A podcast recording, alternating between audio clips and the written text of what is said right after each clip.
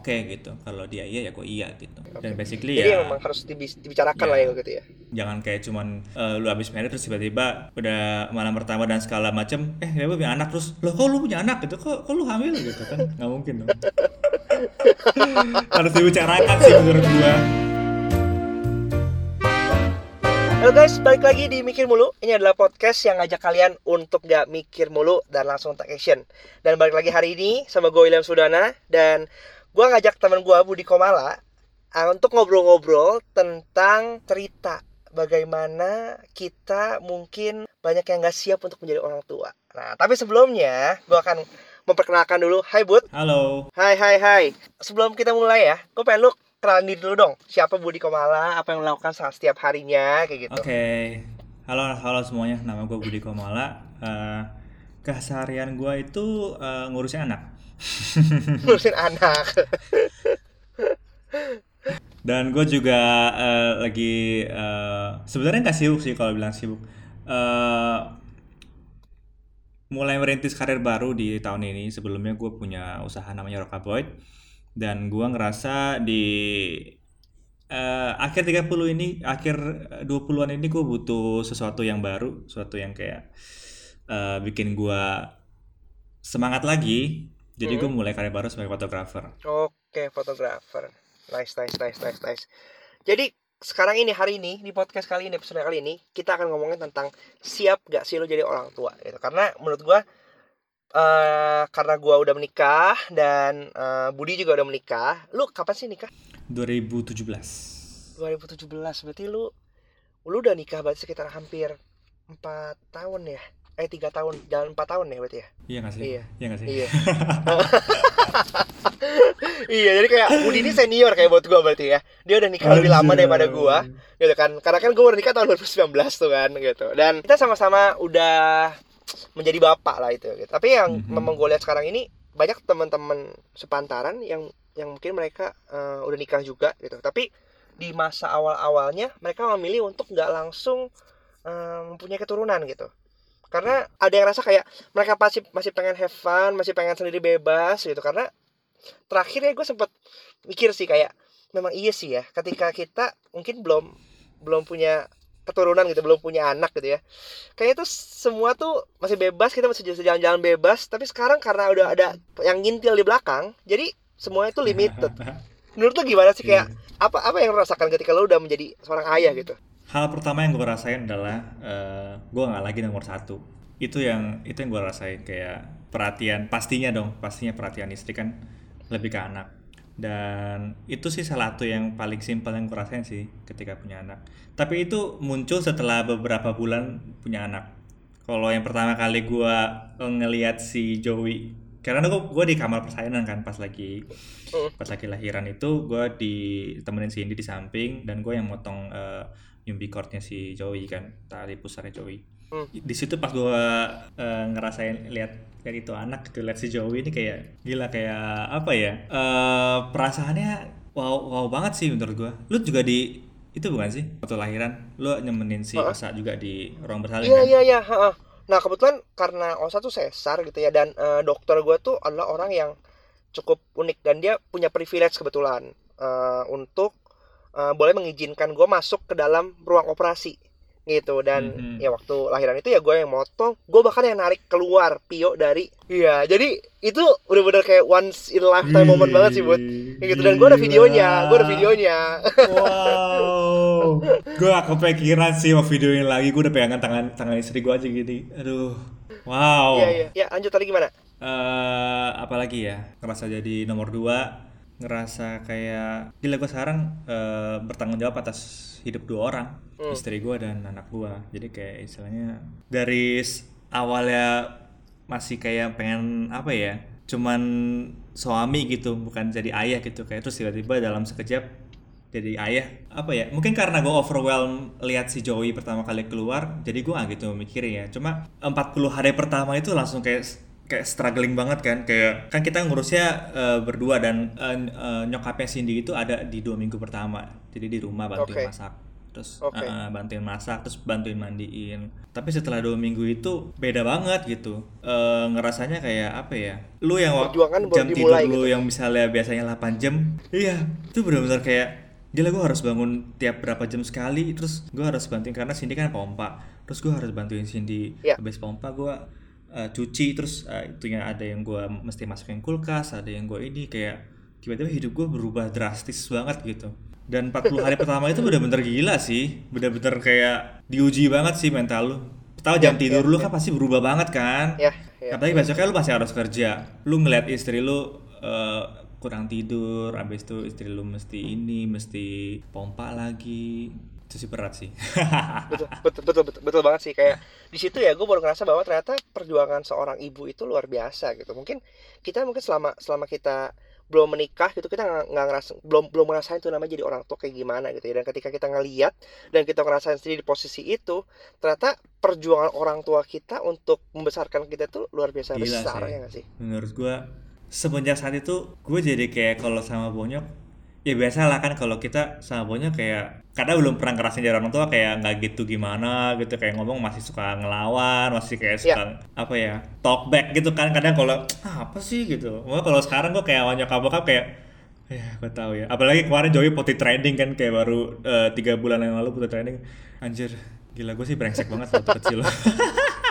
Tapi gini gue mau mau, mau balik sendiri balik sedikit gitu ya ke masa-masa pas lu awal gitu. Apakah Hmm. ketika eh, lu begitu menikah gitu lu langsung planning untuk mempunyai keturunan atau lu emang menjeda dulu gitu? Eh, kita emang nu- pertama kita nggak nunda untuk punya anak. Kita emang setelah nikah mau, mau langsung punya anak. Tapi karena waktu itu kita nikah September terus kita November honeymoon nggak mungkin dong gua kalau kalau hampir sini hamilnya langsung kayak bulan Oktober gitu nanti gimana ya di Iya, pesawat iya. nggak boleh lagi. Jadi gue nunda dulu. Iya, iya, iya. setelah honeymoon baru kita itu program punya anak dan dua bulan. Melewati dua menstruasi baru baru dapet. Ya ya ya menurut, menurut gue itu juga satu yang apa ya banyak yang jadi pergunjingan ya. Kayak karena ada orang yang mikir kayak oh gue mau nunda dulu deh itu Hmm. sedangkan yang gue perhatikan nih ketika mungkin eh, orang yang memilih untuk menunda dan ketika mulai akhirnya ah, gue mau planning nih gitu malah susah dapetnya. lu notice gak sih hal seperti gitu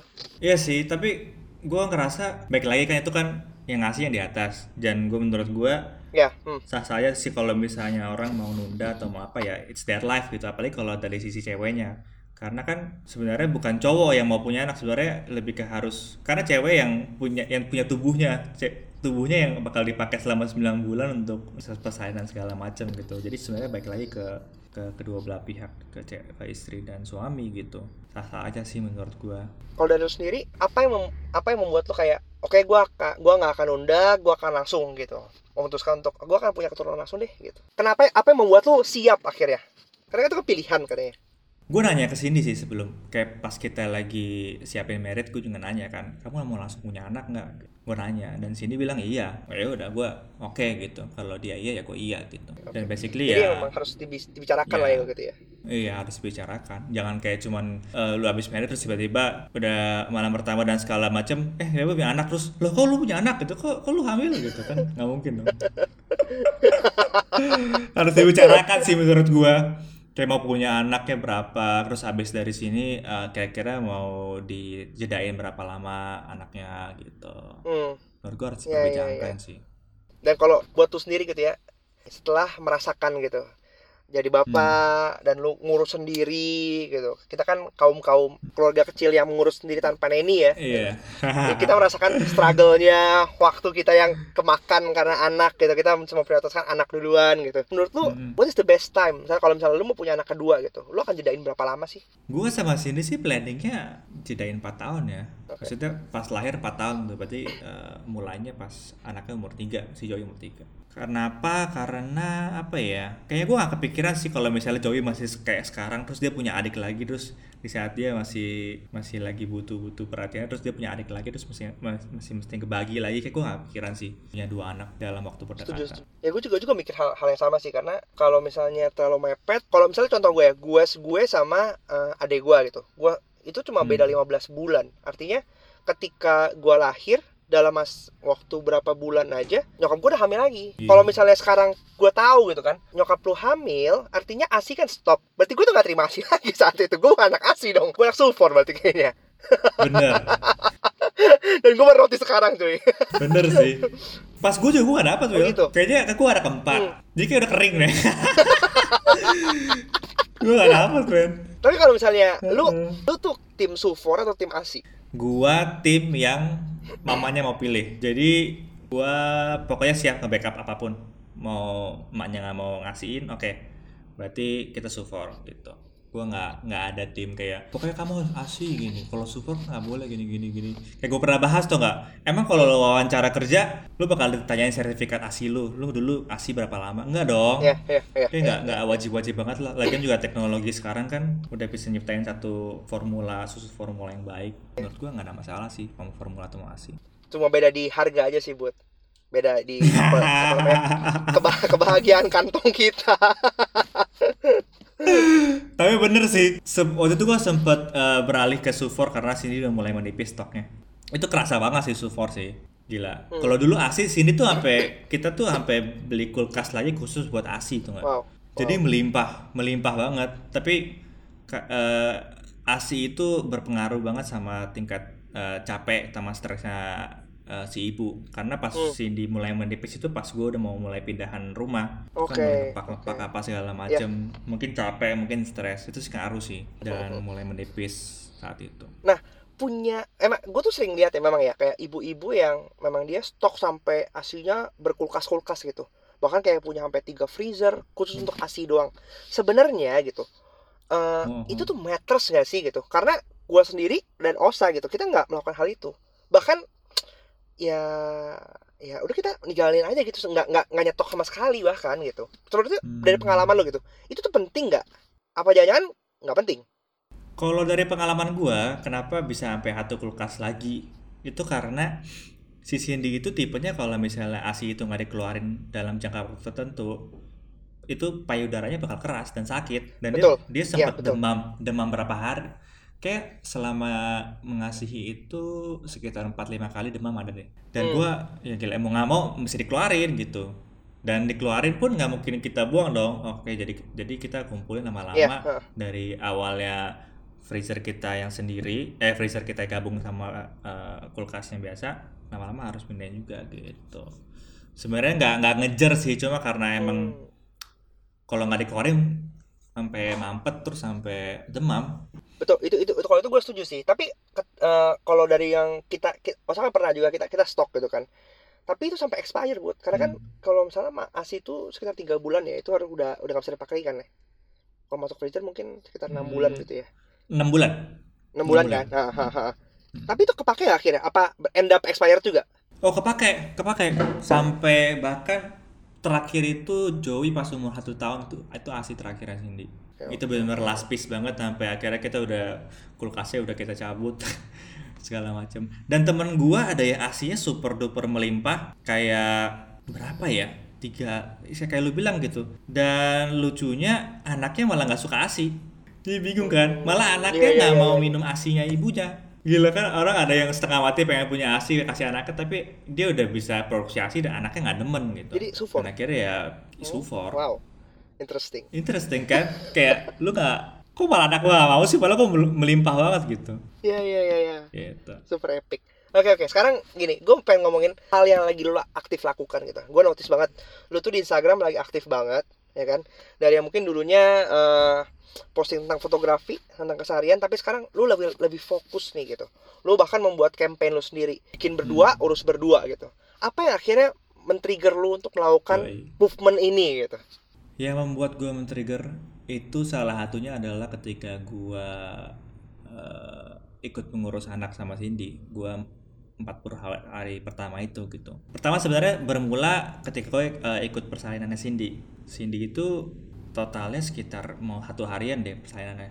Oke. Eh, terus lihat dia melahirkan, lihat dia berjuang di kamar bersalin, lalu lihat 40 hari pertama, bulan pertama, bulan kedua sampai ya nggak tahu gua kapan ke trigger ya. Dan gua ngerasa gila kalau misalnya gua kan emang tipenya dari dulu emang kerjanya di rumah. Gue kebayang kalau misalnya Hmm. gua nggak kerja di rumah istri ini bakal cuman sendirian atau mungkin oke okay lah ada yang bantuin uh, nanny atau maid gitu. Tetap aja kayak uh, ini ini tuh pekerjaan yang sangat berat gitu menurut gue ya. Mm, dan kalau dan kalau misalnya at least suami itu nggak nggak nggak bantu atau apa kan masih masih budaya patriarki banget kan kalau di Indo kan kayak ayah yeah. tuh pokoknya kerja gitu. Sampai rumah ya ayah ayah tuh capek ayah tuh mau istirahat karena besok mau kerja lagi gitu. Nah itu kerasa banget dan emang e, generasi sebelumnya kalau emang gue tanya nyokap gue emang emang bokap emang nggak bantu ngurus.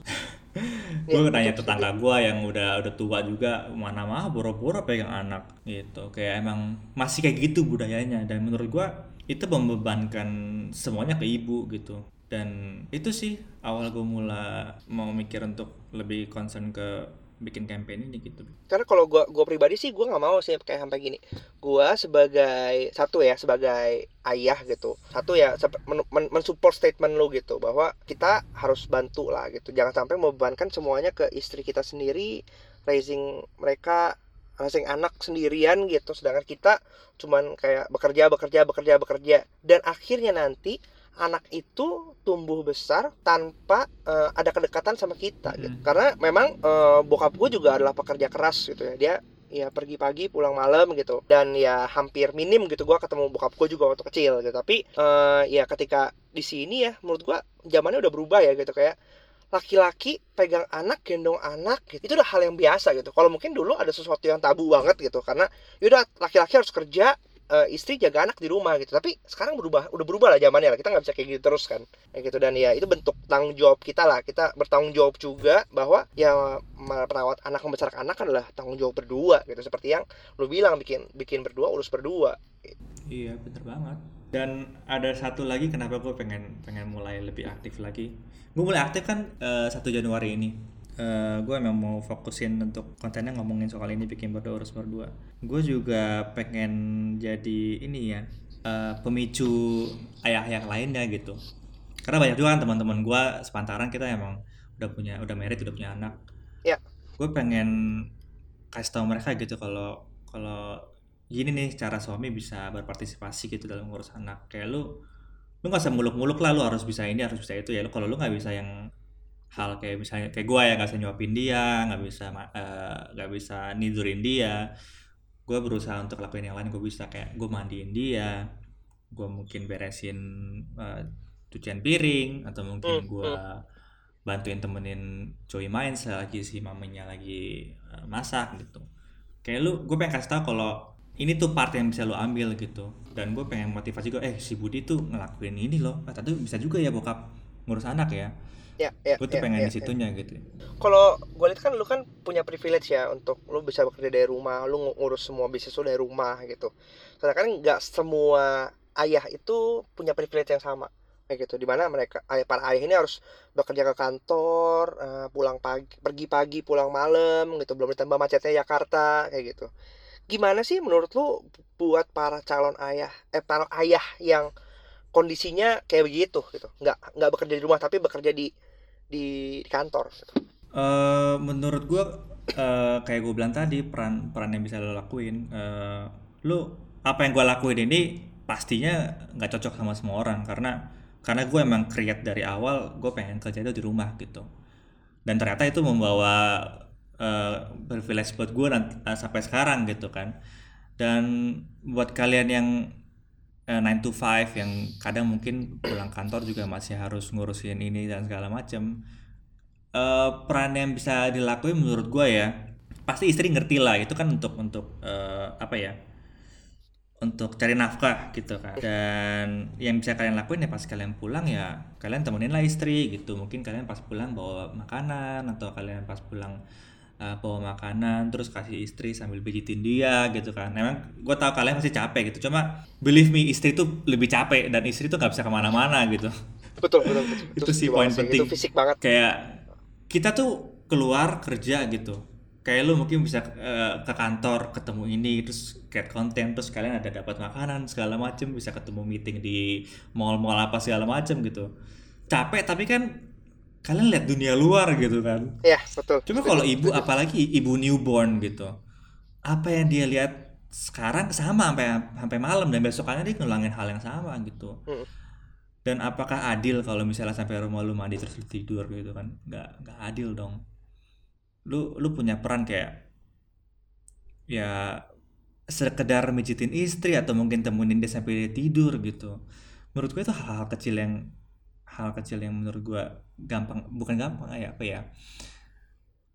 Ya itu bener sih gampang dilakuin sih menurut gue gampang tapi prakteknya mungkin nggak juga ya. Karena kadang-kadang karena kita capek gitu kayak kita pengen me time gitu. Mungkin kalau kayak gue gitu ya seharian bekerja terus Iya. kemudian ketemu orang semua segala macam itu kan draining. Sebagai orang introvert gue draining banget kayak gitu.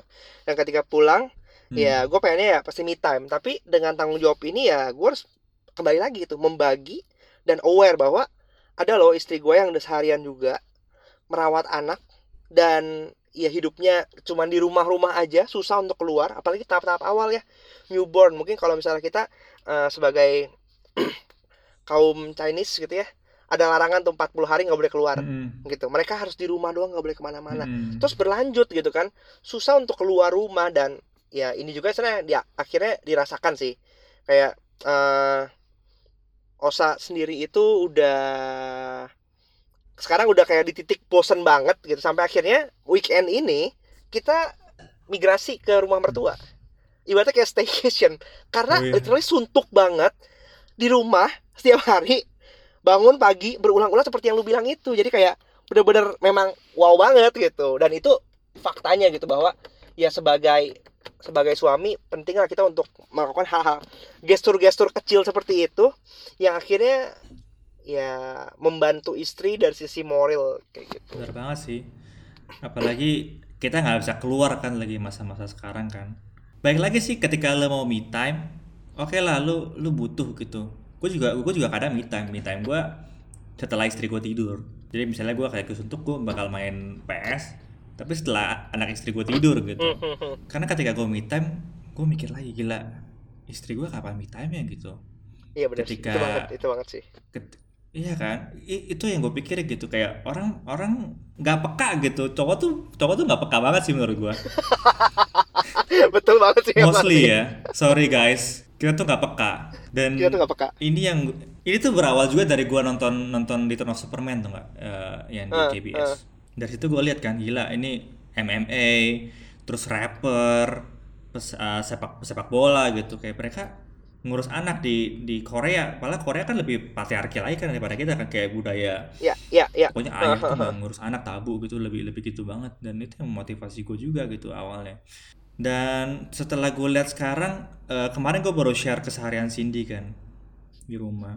Dan lo tau nggak? Cewek tuh jarang banget kayaknya deh share share gitu. Kalau ya menurut gue kalau cewek share gitu mereka kayak takut ngerasa ih bau ini cewek ngapain sih curcol di sosmed eh, bawel banget gitu kan rasanya gitu ya Coba kalau kalau suami yang share, pasti mereka kayak lebih kayak lihat gitu kan. Eh, dan cowok nih yang share nih.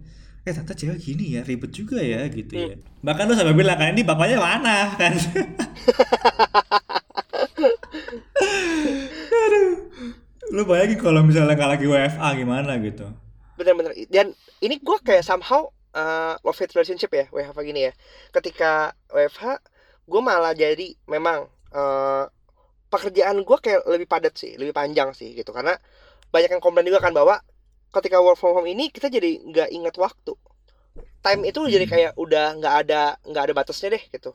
Karena ya kita di tempat yang sama connected terus chatting ada terus semua segala macam kayak kerjaan ngalir terus gitu. Tapi eh, di sisi lain gue juga ber- bersyukur karena akhirnya gue bisa lebih banyak ketemu anak gue gitu. Gue masih bisa lebih banyak melihat perkembangannya. Di mana kayak beberapa bulan sebelum itu kayak perkembangannya kan cepet banget anak itu ya. Dan ketika itu berubah itu dan gue ngeliat kayak Hmm, banget. wah udah bisa ini gitu. Osa bilang enggak sih dia udah bisa itu dari kapan sih? Gitu. Gue kayak eh oke I miss that.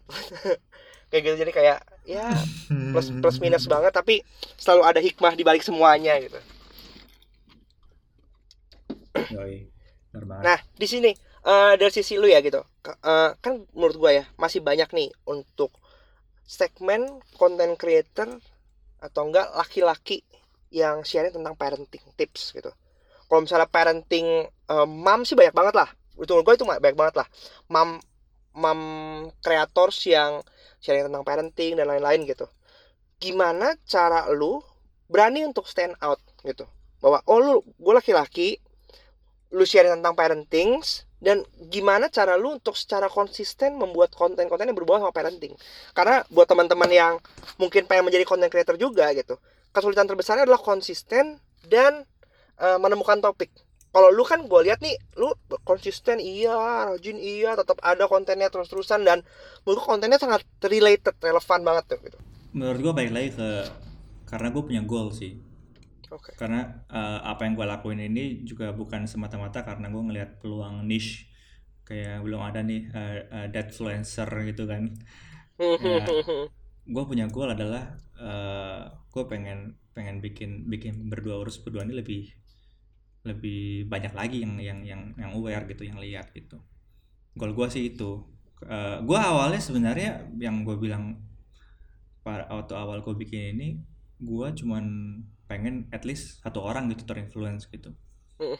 gitu sih gue gue pengen itu doang gitu ekspektasi gue tapi semakin ke sini kayaknya kayaknya I can do something something big gitu kayak lebih lebih yep. something bigger gitu daripada yang cuma satu orang gitu dan dan lihat respon-respon orang juga yang awalnya awalnya nggak follow terus ya follow gitu kayak terus mereka komen bahkan kemarin yang soal ya.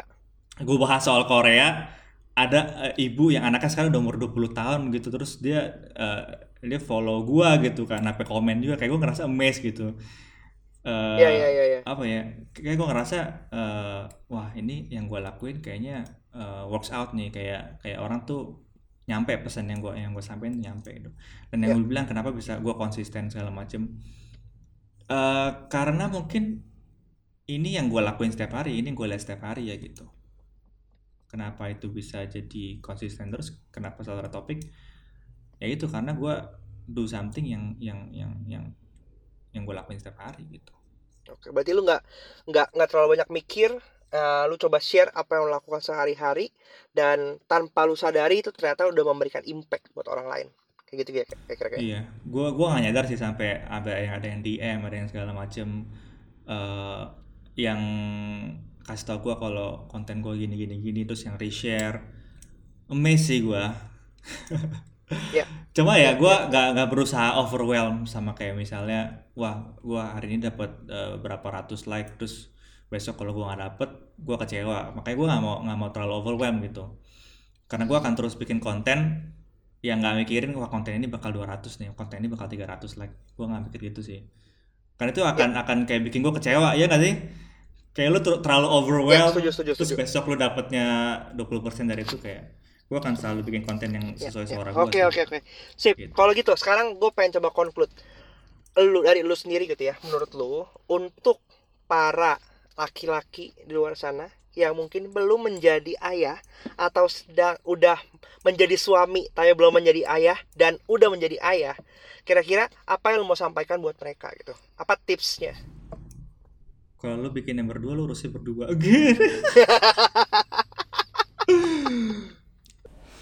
Pesan gue buat bapak yang udah punya anak lebih sering bantu istri sering ngobrol bertukar pikiran luangin waktu pergi berdua, pacaran lagi, titip aja anak ke orang tua atau mertua sebentar.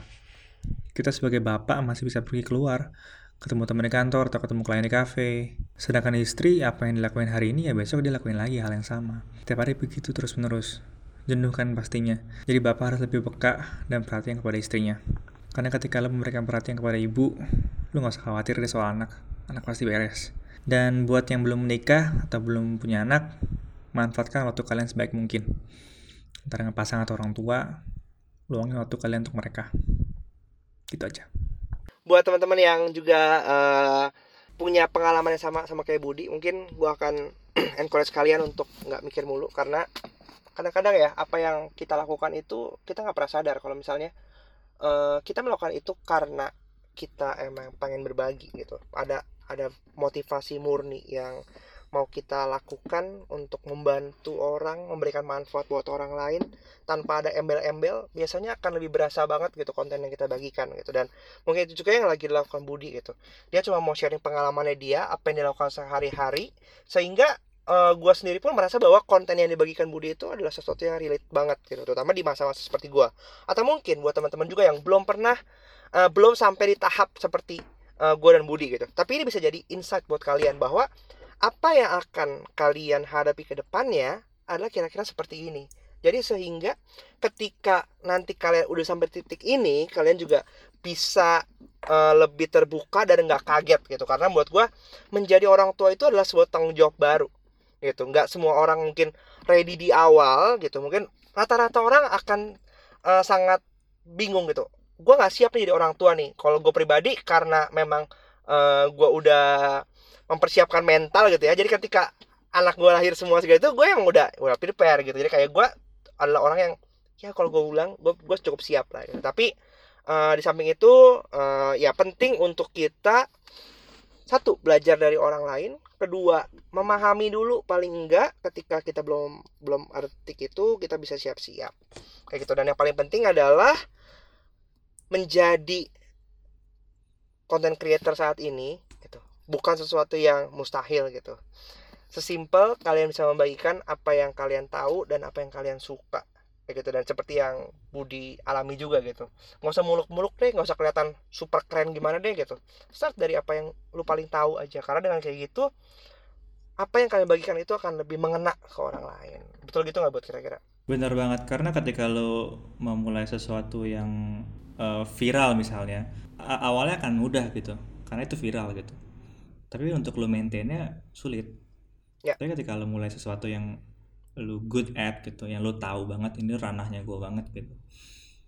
Mungkin awalnya nggak bakal ada yang denger nggak bakal ada yang lihat cuma konsisten aja gitu lu posting sesuai yang suara lu uh, akan lama kelamaan akan terbentuk gitu audiens lu gitu. Kayak lu juga maintain apa ya kontennya juga ide-idenya juga akan ngalir terus gitu dan ya, gue mau sampein lagi kita semua itu ditunggu gitu. Kayak lu nggak usah mikir ini nanti bakal impact ke mana dan atau nanti ah, gue nggak tahu nih tujuannya mau ke mana. Lu just do it gitu karena lu nggak bakal tahu yang lu lakuin itu impactful untuk orang gitu. Mungkin aja orang tuh nunggu nunggu karena kita ke trigger tuh beda banget ya. Gue udah nonton Gary V gue udah nonton segala macam motivator ulung lah gitu. Dan yang bikin gue ke trigger ini adalah ketika lu bilang uh, lu suruh istri lu untuk bikin konten gitu kan konten tentang anak dan gue follow.